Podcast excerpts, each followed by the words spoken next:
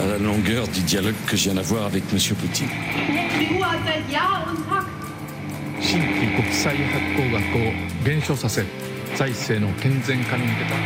símbolo del fascismo en Sudamérica. मगर मुझे पाकिस्तान जाना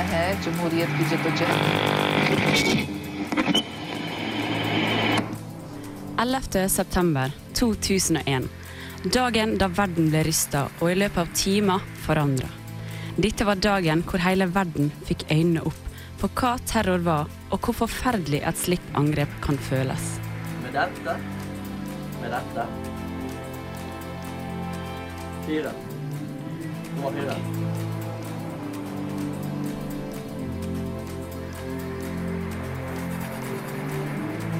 Med dette kicker vi i gang dagens sending i Utenriksmagasinet MIR, som denne uken har valgt å ta for seg det spennende og evig aktuelle temaet terror. Og vi har som vanlig mye interessant på tapeten for dere i dag. For hva er egentlig terror?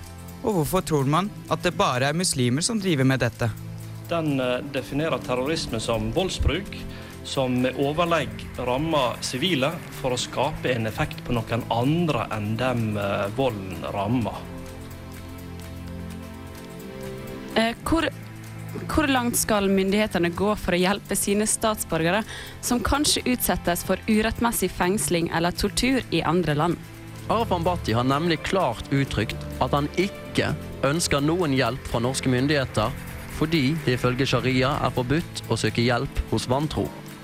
Om du ikke helt husker 11.9.2001, tar vi i dag et tilbakeblikk på hvordan denne dagen forløp seg. It, does not appear that there's any kind of a, an effort up there yet. Now remember, oh my God, That looks like a second plane. Helt til slutt skal vi gi dere ukens aktuelt spalte, hvor vi tar for oss hva som har skjedd i verden den siste uka. Blant annet annonseres det nå klokken 11 hvem som vinner årets fredspris. Og da skal vi sitte klare når vinneren blir annonsert. Det blir altså ei sending du ikke vil gå glipp av. I studio i dag sitter jeg, Katrine Lunde, og August Riise. Og Martin Hamre. Men før vi tar fatt på dagens program, er vi pålagt å spille litt musikk. Her er War med Edwin Starr. eh, Brasil, Colombia, Venezuela, eh, Argentina, eh, Chile, Paraguay, Uruguay. Altså i land etter land, Bolivia. Har du lyst til å kunne like mange land som Håkon Børde? Hør på Utenriksmagasinet MIR hver fredag fra 11 til 12 på Studentradioen i Bergen. eh, ja, velkommen til utenriksmagasinet MIR. Vi har i dag om terror og terrorisme. Eh, I den anledning så har vår eh, reporter eh, Aisha Marie Heim vært og snakka med en eh, førsteamanuensis ved Instituttet for sammenlignende politikk. Hvor er han het igjen, August? Nei, hva sa du? Hva var det han het igjen? Nei, Jan Oskar Engene heter han. Uh, og han, da, ja, han spesialiserer seg der på terrorismebegrepet. Og det er jo greit å begynne der, så vi vet uh, sånn cirka hva terrorisme er. Altså, det er jo snakk da om terror Uh, det en, betyr jo frykt. En isme er jo da en ideologi eller en helhetlig eh, en helhetlig praksis av noe. Så terrorisme ja, det er altså da en praksis som handler om frykt. Så vi kan jo høre litt nærmere om hvordan han definerer det. So, we must ask ourselves what is the dictionary definition of terrorism? The systematic use of terror, especially as a means of coercion. But what is terror? Uh, ja, terrorisme er jo en, uh, et omdiskutert begrep. Uh, det har versert mange forskjellige definisjoner, men den er sjøl benytta meg av. Den eh, definerer terrorisme som voldsbruk som med overlegg rammer sivile for å skape en effekt på noen andre enn dem eh, volden rammer. Altså at man bruker vold for å skape oppmerksomhet, for å spre frykt, og gjerne også et eh, politisk budskap til omverdenen. They the terrorists. When they put it on me, I tell them this. I'm all about peace and love. Peace and love. Jan Oskar Engene er professor ved UiB ved Institutt for sammenlignende politikk og har spesialisert seg på terrorisme. Når man snakker om terrorisme, assosieres det veldig lett med ekstreme islamistiske grupper som Al Qaida, Al Shabaab, Hamas og Hizbollah. Tidligere på 70-, 80- og 90-tallet var det mer fokus på grupper som f.eks. ETA i Spania, Røde armé i Tyskland og IRA i Irland. Hvorfor dette fokuset på islamistiske grupper nå? Ja, Det tror jeg er en, en nyere ting, eh, som kom etter etter september 11.9.2001. Da eh, islamistiske aktører for alvor overtok dominansen på terrorscenen. I den type store terroranslag retta mot eh, sivile, som på en måte framstår som skrekkscenarioet som, som da mange har vært redd for eh, det siste tiåret, og også som det har vært eh, mye politisk fokus på å bekjempe. da. Our war on terror begins with Al Qaeda, but it does not end there. It will not end until every terrorist group of global reach has been found, stopped, and defeated. 20.9.2001 erklærer George Bush jr. krig mot terror. Er dette en krig mot islamsk terror? I stor grad så har den jo uh, hatt det som, som, det store fiendebildet, selv om det selvsagt er mange andre typer terrorisme som uh, med annet uh, ideologisk, religiøst, politisk, sosialt opphav, som, som også rammes av det samme. USA har fått mye kritikk mot denne krigen. Jeg spurte Engene om det er noen konkrete positive virkninger av krigen så langt. Et klart mål var jo å frata Al Qaida sin base i Afghanistan. Og selv om det står riktig ille til i Afghanistan, så har ikke Al Qaida lenger noe trygg havn. Etter 11.9 har det også vært en økt internasjonal samordning av politikk for å bekjempe terrorisme, på godt og vondt. De fleste land i verden har innført straffelovgivning som forsøker å ikke bare ramme terrorister etter at de har utført handlingene sine, men også forsøker å komme de i forkjøpet. Avsløre planer om terroraksjoner. For å gå tilbake til islamistisk terrorisme. For som Carl Ivar Hagen så subtilt sa det, ikke alle muslimer er terrorister, men alle terrorister er muslimer. Man kan diskutere sakligheten av denne påstanden, men det jeg lurer på, kan man si at det er noe i det, sånn rent statistisk? Nå er ikke det så lett å finne gode og sikre talldata på terror i verden. Men det skal sies at de siste åra så har muslimske grupper vært en av de dominerende aktørene i terrorfeltet. Litt avhengig av hvor sikre indikatorer man velger å basere seg på, så har det vært inntil halvparten av alle terrordrap i verden som har vært knytta til grupper med en islamistisk motivasjon. Det er vanskelig å lage statistikk på terror, som vi hører Engene forklare. Så det er kanskje lurt å tenke litt over hva som inngår og ikke inngår i de her statistikkene. Vi skal få høre en tale av en amerikansk prest som snakker om terror på en helt annen måte. For med definisjonen vi fikk av Engene på starten, voldsbruk som å overlegge rammer sivile for å skape en effekt på noen andre enn den volden rammer. Altså bruk vold for å skape oppmerksomhet, frykt og et mulig politisk budskap. Kan man ikke da si at f.eks. USA er en av verstingene når det kommer til terrorisme? We took this country by terror. Terrorism. We took Africans from their country to build our way of ease and kept them enslaved and living in fear. Terrorism. We bombed Grenada and killed innocent civilians, babies, non military personnel. We bombed the black civilian community of Panama with stealth bombers and killed unarmed teenagers and toddlers, pregnant mothers, and hardworking fathers. We bombed Hiroshima. We bombed Nagasaki. And we nuked far more than the thousands in New York and the Pentagon, and we never batted an eye. Ja, Det er en sånn klassisk eh, snu på flisa-argumentasjon. Og Det er de som da hevder at eh, det er stater som er de største terrorister i verden fordi de driver krig eh, og undertrykkelse og, og, alt det der. Det fins mye vondt og vanskelig i verden. noe av det kalles terrorisme. og Eh, andre aktiviteter går under andre navn. Jeg skjønner det er vanskelig å lage en definisjon av terrorisme. For hvordan lage den vid nok til å ramme alle fanatiske grupper som vil spre et fælt syn på virkeligheten i verden, men snever nok så den ikke rammer dem som kjemper på frihet og demokrati? En mann med et palestinaskjerf tuller rundt seg på en eller annen måte, som gjør sinte håndbevegelser med ene hånda og løfter maskingeværet med den andre, versus en mann i dress som smiler til kamera, og som bruker dagene på å jobbe iherdig for verdensfred. Man kan tro det er lett å se hvem som er terrorist og hvem som ikke er det, men om avstanden er så stor som vi vil ha det mellom oss og dem, hvorfor er det da så utrolig vanskelig å definere ordet uten at definisjonen rammer oss sjøl? Det var Aisha Marie Heim som snakka med Jan Oskar Engene ved Instituttet for sammenlignende, politikk. Men eh, August og Martin, en av de mest eh, kjente terroraksjonene i nyere tid var jo 11.9. i eh, 2001.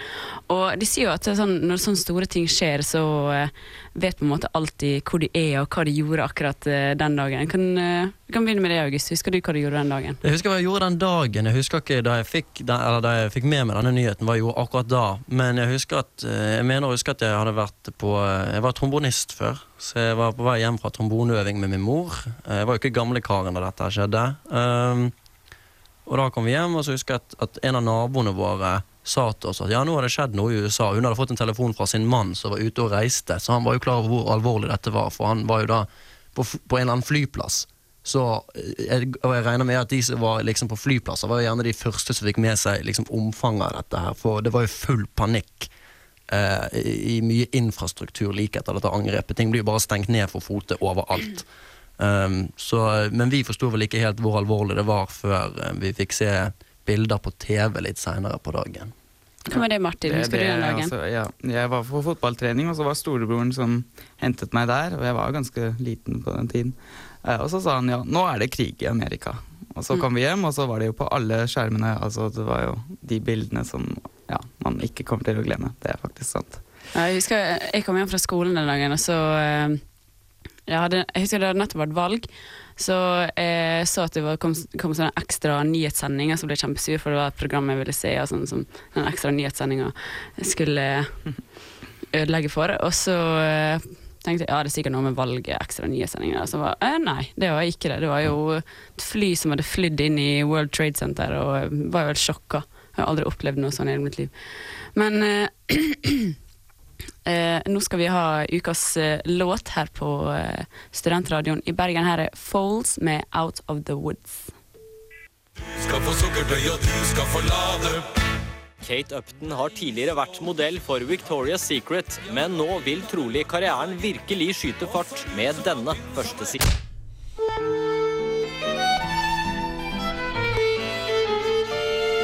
Seriøst. Utenriksmagasinet MIR.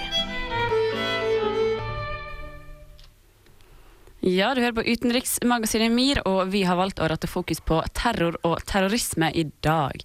Og du, August, har jo tatt en eh, nærmere titt på en norsk terrormistenkt, eller hva vi skal kalle han. Ja, vi, De snakker da om Arfan Bhatti, som nå sitter i, Af i Pakistan, men jeg beklager. Um, og ja, Han er jo en terrorist, for så vidt. For altså, Terrorismebegrepet er jo så vidt at det er vanskelig å være holdt på å si, helt sikker at alle er enige med hverandre. Men, og, og han har ikke operert på samme måte som de fleste terrororganisasjoner vi kjenner. Men han er da altså dømt for å ha fyrt av skudd mot en synagoge i Oslo. Så vi snakker altså her om en religiøs fundamentalist som basert på en politisk ideologi, igjen basert på religionen sin, har fyrskudd. Og da, da nærmer du deg ganske kraftig det de aller fleste vil mene er holdt på å si, nesten nærmest kjernen av det en terrorist er. Eh, ja, jeg tror vi tar og hører litt på det. Arfan Bhatti er en norsk statsborger, tidligere straffedømt bl.a. for å ha avfyrt skudd mot en synagoge i Oslo. Siden januar i år har han vært meldt savnet, men nå vet man at han sitter fengslet i Pakistan. Det eneste man vet, er at han har brutt pakistansk straffelov ved å snakke med Taliban.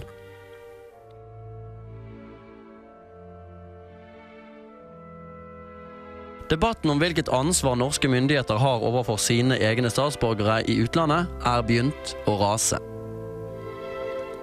Arfan Bhatti har nemlig klart uttrykt at han ikke ønsker noen hjelp fra norske myndigheter fordi det ifølge sharia er forbudt å søke hjelp hos vantro.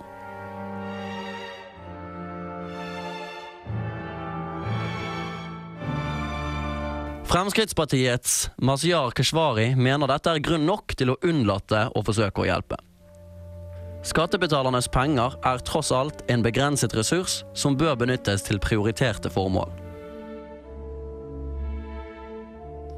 Battis advokat, Jon Christian Elden, mener på sin side at staten har et ansvar for å hjelpe sine statsborgere, uavhengig av hva de selv sier.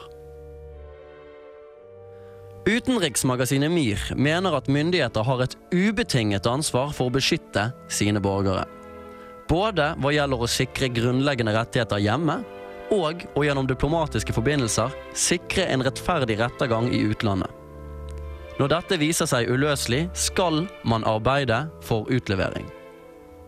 Dette er prinsipielt viktig ettersom ingen ønsker seg en stat der rettigheter avhenger av at man blir likt av myndighetene eller folket for øvrig. Det er heller ikke relevant at Bhatti ikke ønsker hjelp. For det første kan man risikere å skape en uheldig presedens. Hvis det er slik at norske myndigheter ikke hjelper norske statsborgere når de avslår hjelp, kan man se for seg at myndigheter i andre land bruker tvang for å få norske statsborgere til å avslå. Det er for øvrig en overveiende sannsynlighet for at Bhatti har blitt utsatt for tortur fra både amerikanske og pakistanske etterretningsoffiserer. For det andre vil man gjennom å unnlate å hjelpe norske fanger i utlandet påføre pårørende unødig lidelse. På samme måte som man må forebygge selvmordshandlinger, må man forebygge slik selvutslettende atferd som Bhatti utviser, nettopp fordi det ikke utelukkende vil ramme ham selv.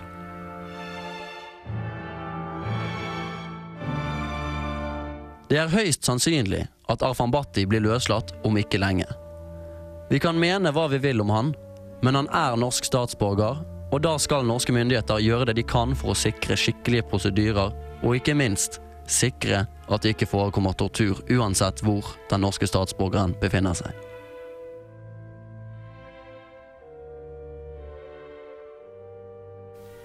Ja, der hørte du August Riise snakke om eh, Arfan Batti, En norsk eh, litt eh, kriminell type. Ja, han, vil er, jeg tørre å påstå. han er ikke mors beste barn, det skal sies, men uh, argumentasjonen min er da at han er norsk statsborger, og det medfører, det medfører visse rettigheter uansett hva du måtte ha gjort tidligere. Og det, det er vel kanskje ikke fullstendig ukontroversielt, hørte jeg nå under innslaget at det var noen som mente at dette her, det var ikke nødvendigvis Nei, men jeg tenker sånn er det at eh, Når han frivillig har dratt til Pakistan og frivillig velger å snakke med Taliban, at det, skal, skal vi støtte han fordi at han har valgt å gå i samtale med Taliban? Det er jo ikke helt riktig, det heller. Nei. Er det allerede, allerede kriminelt å snakke med dem? Ja. Og er det, han, er jo ikke, han, Han er, er det, ja. han har ikke gjennomgått noen, gjennomgått noen rettssak eller på den måten. Det er bare de pakistanske eh, jeg vet ikke hva jeg skal kalle det, prestene eller presterådet eller noe sånt i Pakistan som bare har valgt å putte han i fengsel fordi at eh, de er imot at han har snakka med Taliban. Ja, så poenget mitt er ikke det at han ikke bør straffes hvis han har hatt forbindelse med organisasjoner som han bør straffes for forbindelse med, men poenget mitt er at man bør sikre en rettferdig rettergang, og når det da ikke skjer i Pakistan, og det ikke er noen, holdt på å si, nesten, nesten ikke noen reell sjanse for at det skjer, så bør norske myndigheter jobbe så hardt de kan for å få han til Norge, så det går an å straffe han her på en skikkelig måte, i et skikkelig rettssystem. Burde kanskje gjort det for lenge siden, syns jeg. Ja, ja han, er, han har jo vært fengslet i Norge flere ganger, så vidt jeg vet. Um, men eh, ja, så har han sluppet ut igjen, for eh, sånn har vi det her. Det vel, men det er vel kanskje ikke Hvis han, eh, hvis han da nå ikke blir holdt på å si utlevert, så kan det jo være at, at han blir sittende en god stund. Det vet vi jo. Og, og det er jo også et problem altså, i de holder, altså Når målet er å få ut informasjon av han, så torturerer de han mer enn gjerne. Og det vil jo de aller fleste mene er egentlig ikke gangbar praksis i det hele tatt. Så når det foreligger ganske sterk mistanke om at han blir torturert, da, ikke bare Pakistan, men også amerikanerne, så, eh, så mener jeg det er veldig god grunn til å liksom ta individets rettighet veldig på alvor og få han til Norge og gi han en skikkelig rettssak hvor han da ikke blir torturert. Ja, det er, vi, vi har jo menneskerettigheter for en grunn, og ingen skal jo trenges å tortureres Ja, men da er vi jo rett i diskusjonen om den hele greien med war on terror og alt det der er eh, ja, en god sak, med eksempel når vi tenker på Guantánamo og sånne greier. Ja, det, det, det, det er jo et gjennomgående tema i denne debatten. Det er helt klart. Om eh, rettigheter og eh, mot sikkerhet. Det er jo en sånn klassisk sånn Du, Ja. du, du må velge litt der. Altså I Tyskland hadde vi en situasjon at det var en fyr som heter Murat Kurnas, og han ble han, det ene, altså han er tysk statsborger, og han reiste i 2001 reiste han en gang til Pakistan. Eh, men han snakker ikke med Taliban eller et eller annet. Eh, han bare ja, reiste for å besøke en gruppe av andre islamtroende. Og han ble tatt eh, som fange, og han ble sendt til Guantánamo. Var der i fem år, ble torturert. Uten at de hadde et eller annet bevis på hva han skulle ha gjort. Uh, og da han kom tilbake, var det også stor debatt i Tyskland. Um, fordi ja, tyske regjering ikke hadde gjort noe for å hjelpe han. Og i tillegg påstår han og advokaten hans at regjeringen regjering var med på og at han skulle bli tatt fanget og sendt til Guantánamo. Altså en tysk regjering, og det er jo akkurat det der, altså. Ja. Veldig skremmende, rett og slett. Akkurat. Det sier liksom noe om eh, Ja, altså spørsmålet Finnes det en enkeltsak som Eller et, et politikkområde som er så viktig at man skal liksom bare drite helt i menneskerettigheter? Og det virker jo det som i vestlige samfunn de siste ti årene der omkring at det, det rett og slett har vært litt en trend. At uh, målet helliger middelet, si. Ja, akkurat. For f.eks. eksempel Military Commissions Act i Amerika, som ble utgitt i 2006. Der står det jo sånn at illegal enemy combatants At de får lov å bli torturert f.eks. gjennom waterboarding. Mm. Eh, og Er det- men- ja, offisielt lov. Altså, det er helt Men, der sier de vel nettopp det at, eh, at waterboarding er ikke tortur. Jeg, mener det, det, det var oppe i Kongressen, faktisk. Altså, hvis du definerer tortur, og da var waterboarding Det er ikke tortur som sådan, var argumentet. da Ja. Er det et godt argument? Nei, det er det jo ikke. Men uh, de har jo makten til å definere det, så det spørs jo hvor eh, Spørs ikke hvor lenge de kan sitte på den definisjonen der. Det stemmer. Eh, nå skal vi ha en eh, liten eh, musikalsk eh, pause igjen, men eh, etter den så skal vi snakke litt om Litt mer om terror. Her er 'Terrorist' med Loki. Eller 'Loki' med 'Terrorist'.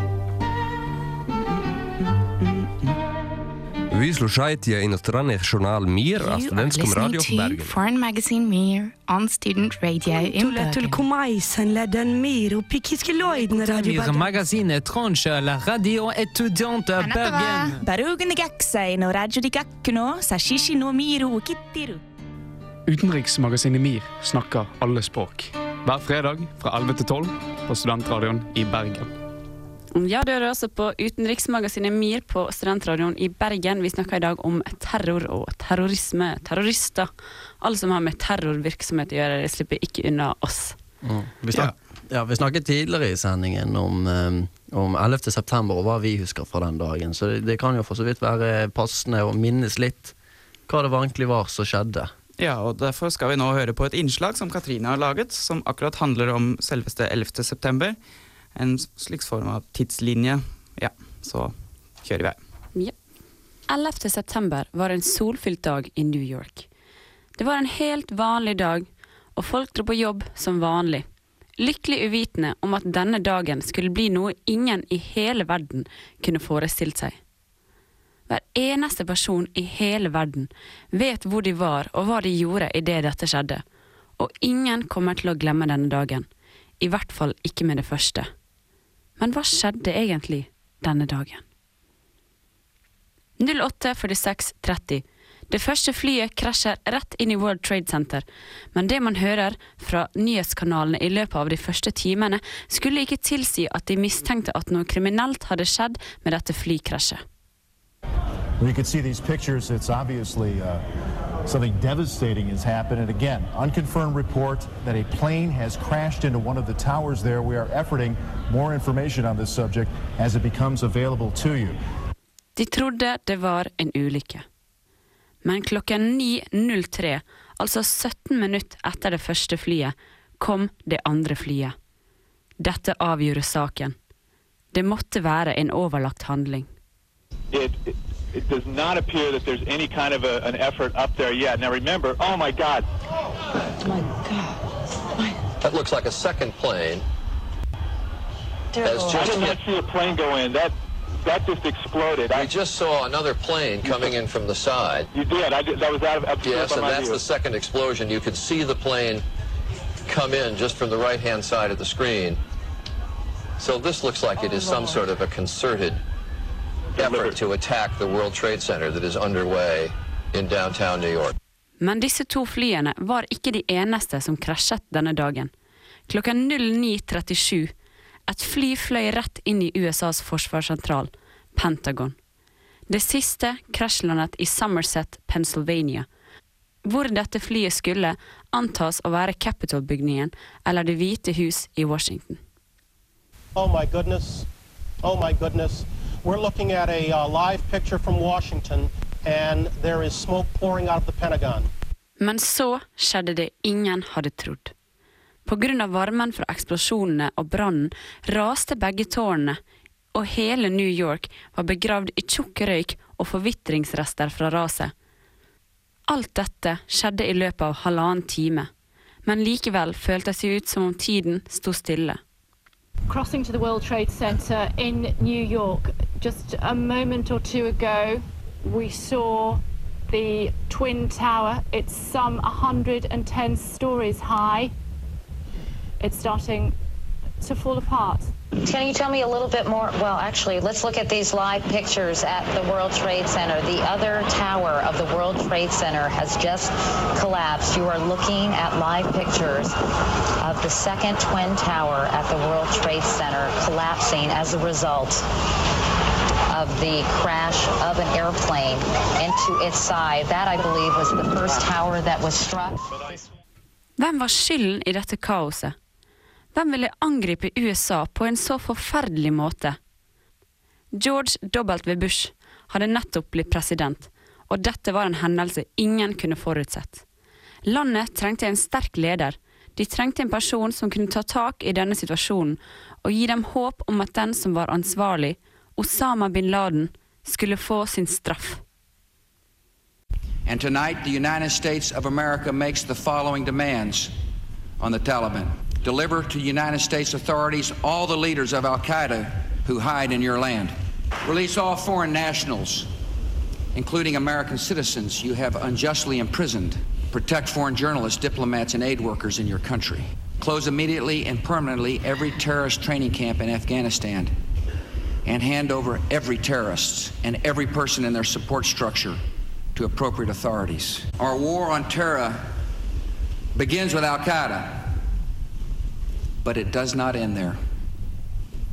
It will not end until every terrorist group of global reach has been found, stopped, and defeated. Men det de trodde skulle være en kortvarig kamp mot terrorisme og Al Qaida, skulle vise seg å bli en over ti år lang krig i Afghanistan og Irak. Og den er ennå ikke over. Finally, last week, I determined that we had enough intelligence to take action and authorized an operation to get Osama bin Laden and bring him to justice. Today, at my direction, the United States launched a targeted operation against that compound in Abbottabad, Pakistan. A small team of Americans carried out the operation with extraordinary courage and capability. No Americans were harmed. Care to avoid civilian casualties. After a firefight, they killed Osama bin Laden and took custody of his body. Ja, Der hørte vi Katrine Lunde eh, med en fremstilling, en tidsframstilling tidsfremstilling av 11. september. Og eh, det, det, er jo, det, er jo veldig, det var en veldig fæl dag, eh, og det har jo antent kanskje en veldig viktig epoke i nyere historie. Um, og spesielt med hensyn til krigen mot terror. da. Men da, da er det et naturlig spørsmål å stille. Har, har den vært effektiv? Har det, har det, hva har skjedd egentlig? Det har jo vært eh, krig i Afghanistan siden 2001. Ja, og den, eh, den har vel vært eh, ikke, De fleste vil si at den har ikke vært så veldig vellykket som sådan. Jeg vil ikke si at de har det så veldig mye bedre nå enn hva de hadde det før USA gikk til angrep mot dem. Og det, 11. september førte jo også til enda en krig. At USA gikk mot Irak. Mm. Det er masseødeleggelsesvåpen som rett og slett viser seg å ikke være der. som jo eh, er en tabbe, kan du si. Men eh, en ting jeg syns er ganske interessant å se på, som jeg syns vi burde ta opp litt, det er jo eh, For en, en sak har jo alltid to sider, sant. Mm. Og vi, vi som er et vestlig land, samme som USA, vil jo automatisk se det fra vår side, altså mot terroristene. Men terroristene har jo på en måte også et synspunkt. Ja, det, det er vel et kjennetegn ved den amerikanske retorikken. Eh, spesielt George Bush, Bush har jo eh, junior. George Bush junior. George W. Bush. Yes. Eh, han har jo eh, hatt det med å, å forklare dette hatet mot amerikanere med at de, de hater friheten vår. De hater our way of life. Det er hans liksom ja, refreng, da. Og det er jo i og for seg Det er vel en delvis riktig greie, for det, det, det er jo det at de gjerne ikke følger doktriner og, og si, religiøse normer og regler, som enkelte av disse her holder høyt.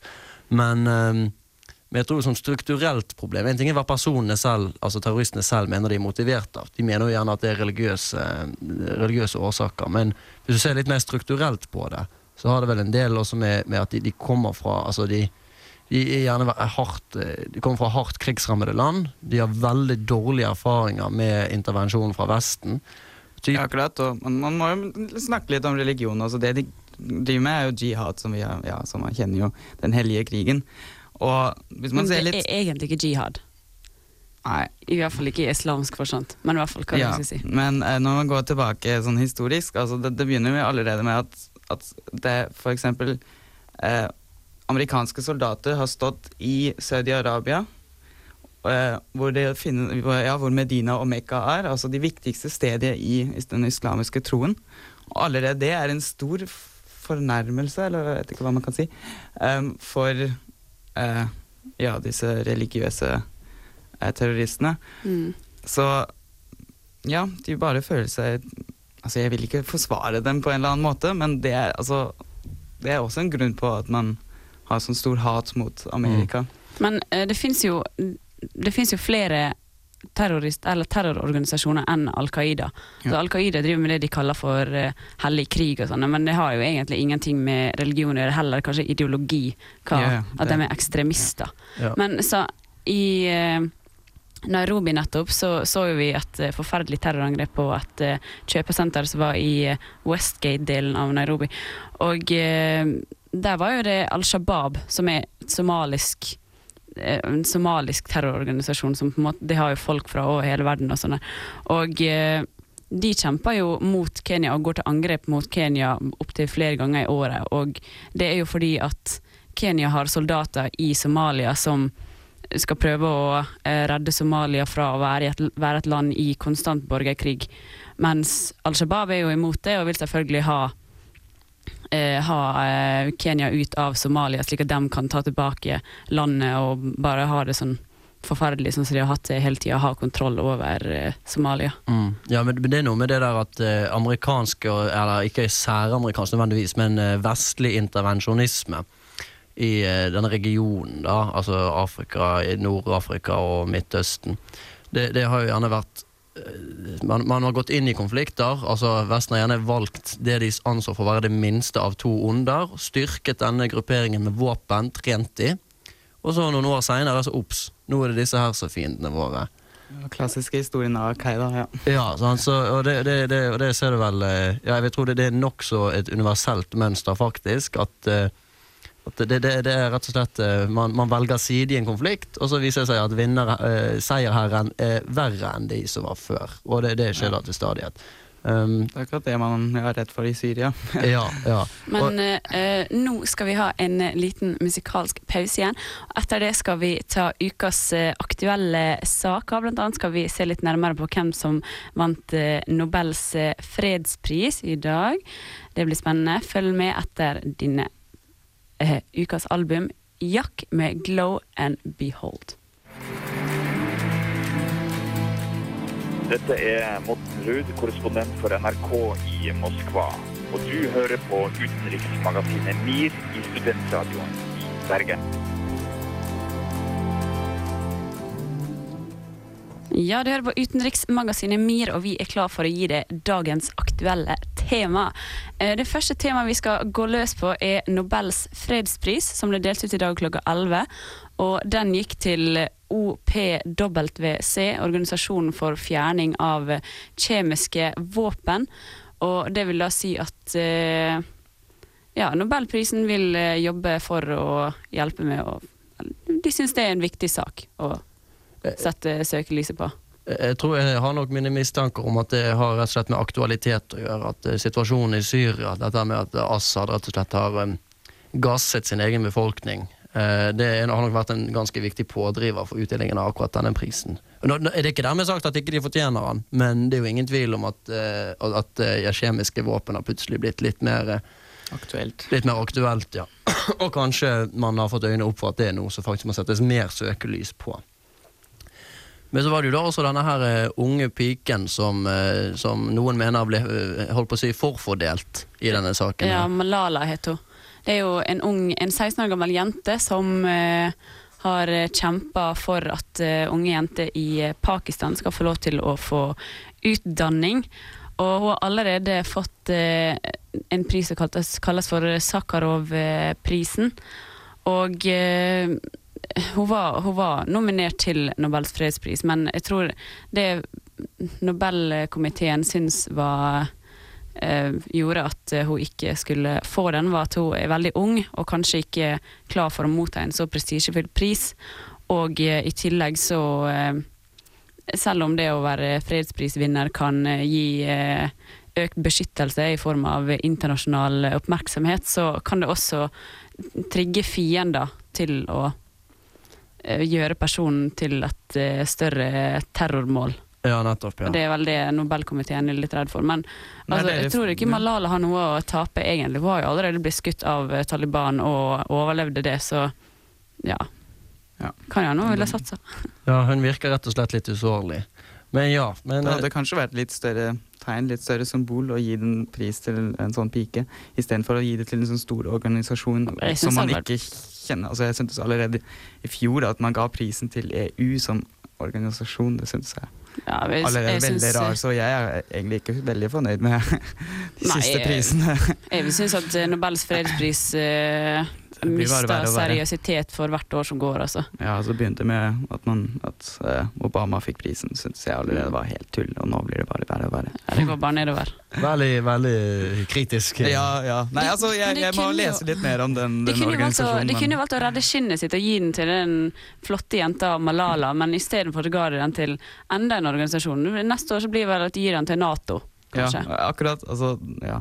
Ja, det, ja, nei, det tror det Eller håp- OECD. Nei, det blir jo ikke det. Men, Jeg tror altså, og men, at det ikke ja, skjer. ja, men sånn i tenkningen, altså. Men, jo, men, det, det er jo, men når det er sagt, jeg er jo for så vidt tilbøyelig til å være enig med dere begge, men når det er sagt, så er det jo organisert virksomhet for å fjerne kjemiske våpen, for å avvikle. Det er jo helt utrolig Ja, viktig når, når ja, du ser hva hvor- sånne våpen kan brukes til. Eh, jeg var jo litt i, i forvirring helt i starten, for jeg lurte jo litt på om det hadde blitt gitt til noen som ville legge ned eller avvikle atomvåpen.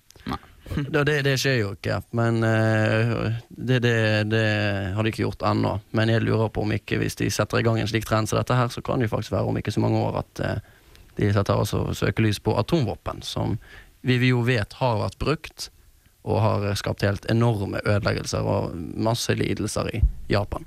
Men eh, nå skal vi over til neste tema i Aktuelt. For i går så hadde Amnesty International sin eh, den internasjonale dagen mot dødsstraff. Og dette er For å feire denne dagen her, da, så eh, henretta Iran eh, to eh, personer som eh, hadde Ja, som hadde drept folk i sin egen familie. Og eh, bøddelen da, som henretta de to guttene, det var jo deres egen far. Og eh, de syns jo det Amnesty International syns jo det er veldig dumt at de på en måte skal At folk skal henrettes, og dermed gjøre andre folk til drapsmenn. Mm.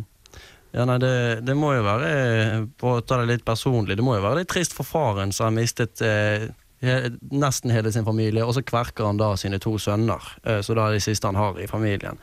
Eh, men jeg, jeg kan jo mistenke at dette er rett og slett en slags politisk greie fra Irans side, altså at det, det kan jo umulig hvis, hvis de ikke ønsket så mye oppmerksomhet rundt, rundt dette, så kunne de tatt det dagen før eller dagen etter, men de gjorde altså dette på eh, Amnestys dag mot dødsstraff. Men jeg tror de gjør det hver dag, egentlig. Ja, jo, For at, men- eh, etter han Rohani Rouhani tok over makten, så har, det var i juni, og Mm. siden da så har de henrettet 230 personer. Jo da, men jeg, jeg tenker um, Ja, men, men jeg Det var bare i dag, det er, eller i går, det var fokus, fokus på det. Ja, ja, sant, ja, sant, nettopp. Den- sånn den er- det er en dag? Det er en dag i året, og jeg tenker litt sånn når du driter i den, så er det på en måte, da er det ikke bare det at du, du har en annerledes praksis. Da er det på en måte, for, for, det vil ikke være et problem for systemet deres, Altså, akkurat i dag så roer vi litt, roer vi litt grann ned, og så kan jeg heller utsette det til dagen etter. Men jeg føler det er, det er absolutt en statement, dette her. Jeg, jeg kan ikke forstå annet, i hvert fall under så spesielle omstendigheter som dette her. Altså, så, det må jo være ekstremt uvanlig at folk, altså sånne familiedramaer som dette her, kan jo ikke Det er jo æresdrap, Ja. i hvert fall innenfor mus, muslimske uh, Ja. Uh, I Kina også er jo det opptil flere tusen som eh, blir henrettet hvert eneste år, og det er sikkert ikke de eneste landene der det fortsatt blir utført eh, offentlige henrettelser. Det blir gjort offentlig i Kina. Nei, jeg vet ikke om det er offentlig i Kina, men i hvert fall i Iran blir Ja, det ja. ut, eh, utført offentlige henrettelser.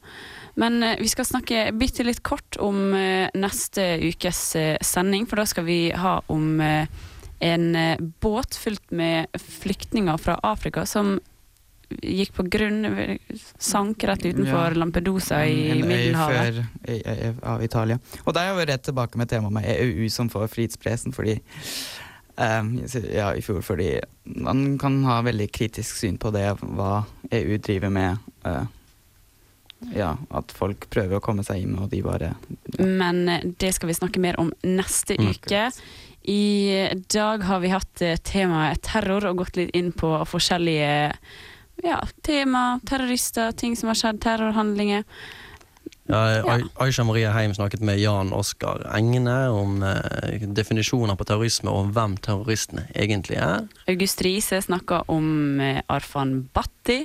Ja, og Katrine Lunde snakket om 11. september og minnet oss om den forferdelige dagen. Ja. Eh, hvis du vil høre den sendinga her eh, om igjen, så kan du gå inn på srib.no slash podkast. Der finner du Utenriksmagasinet mitt og kan laste ned vår podkast. Hvis du foretrekker å sende Ja, hvis du vil sende en SMS til oss, så kan du gjøre det på 1963, kodeord SRIB, og så kommer forslag hvis dere har noen forslag til eh, Eller hvis du, lytteren, har noen forslag til hva vi skal ta for oss, eller har noen innslag eller noe Og så må vi takke vår produsent Fredrik eh, Tombra. Etter oss så kommer Lydmuren, så du gjør lurt i å bli på den kanalen her en eh, liten stund til. Neste uke er det altså menneskesmugling. Så eh, takk for oss, det var alt vi hadde for i dag. Ha en riktig god helg. Ja, ha det bra. Adjø.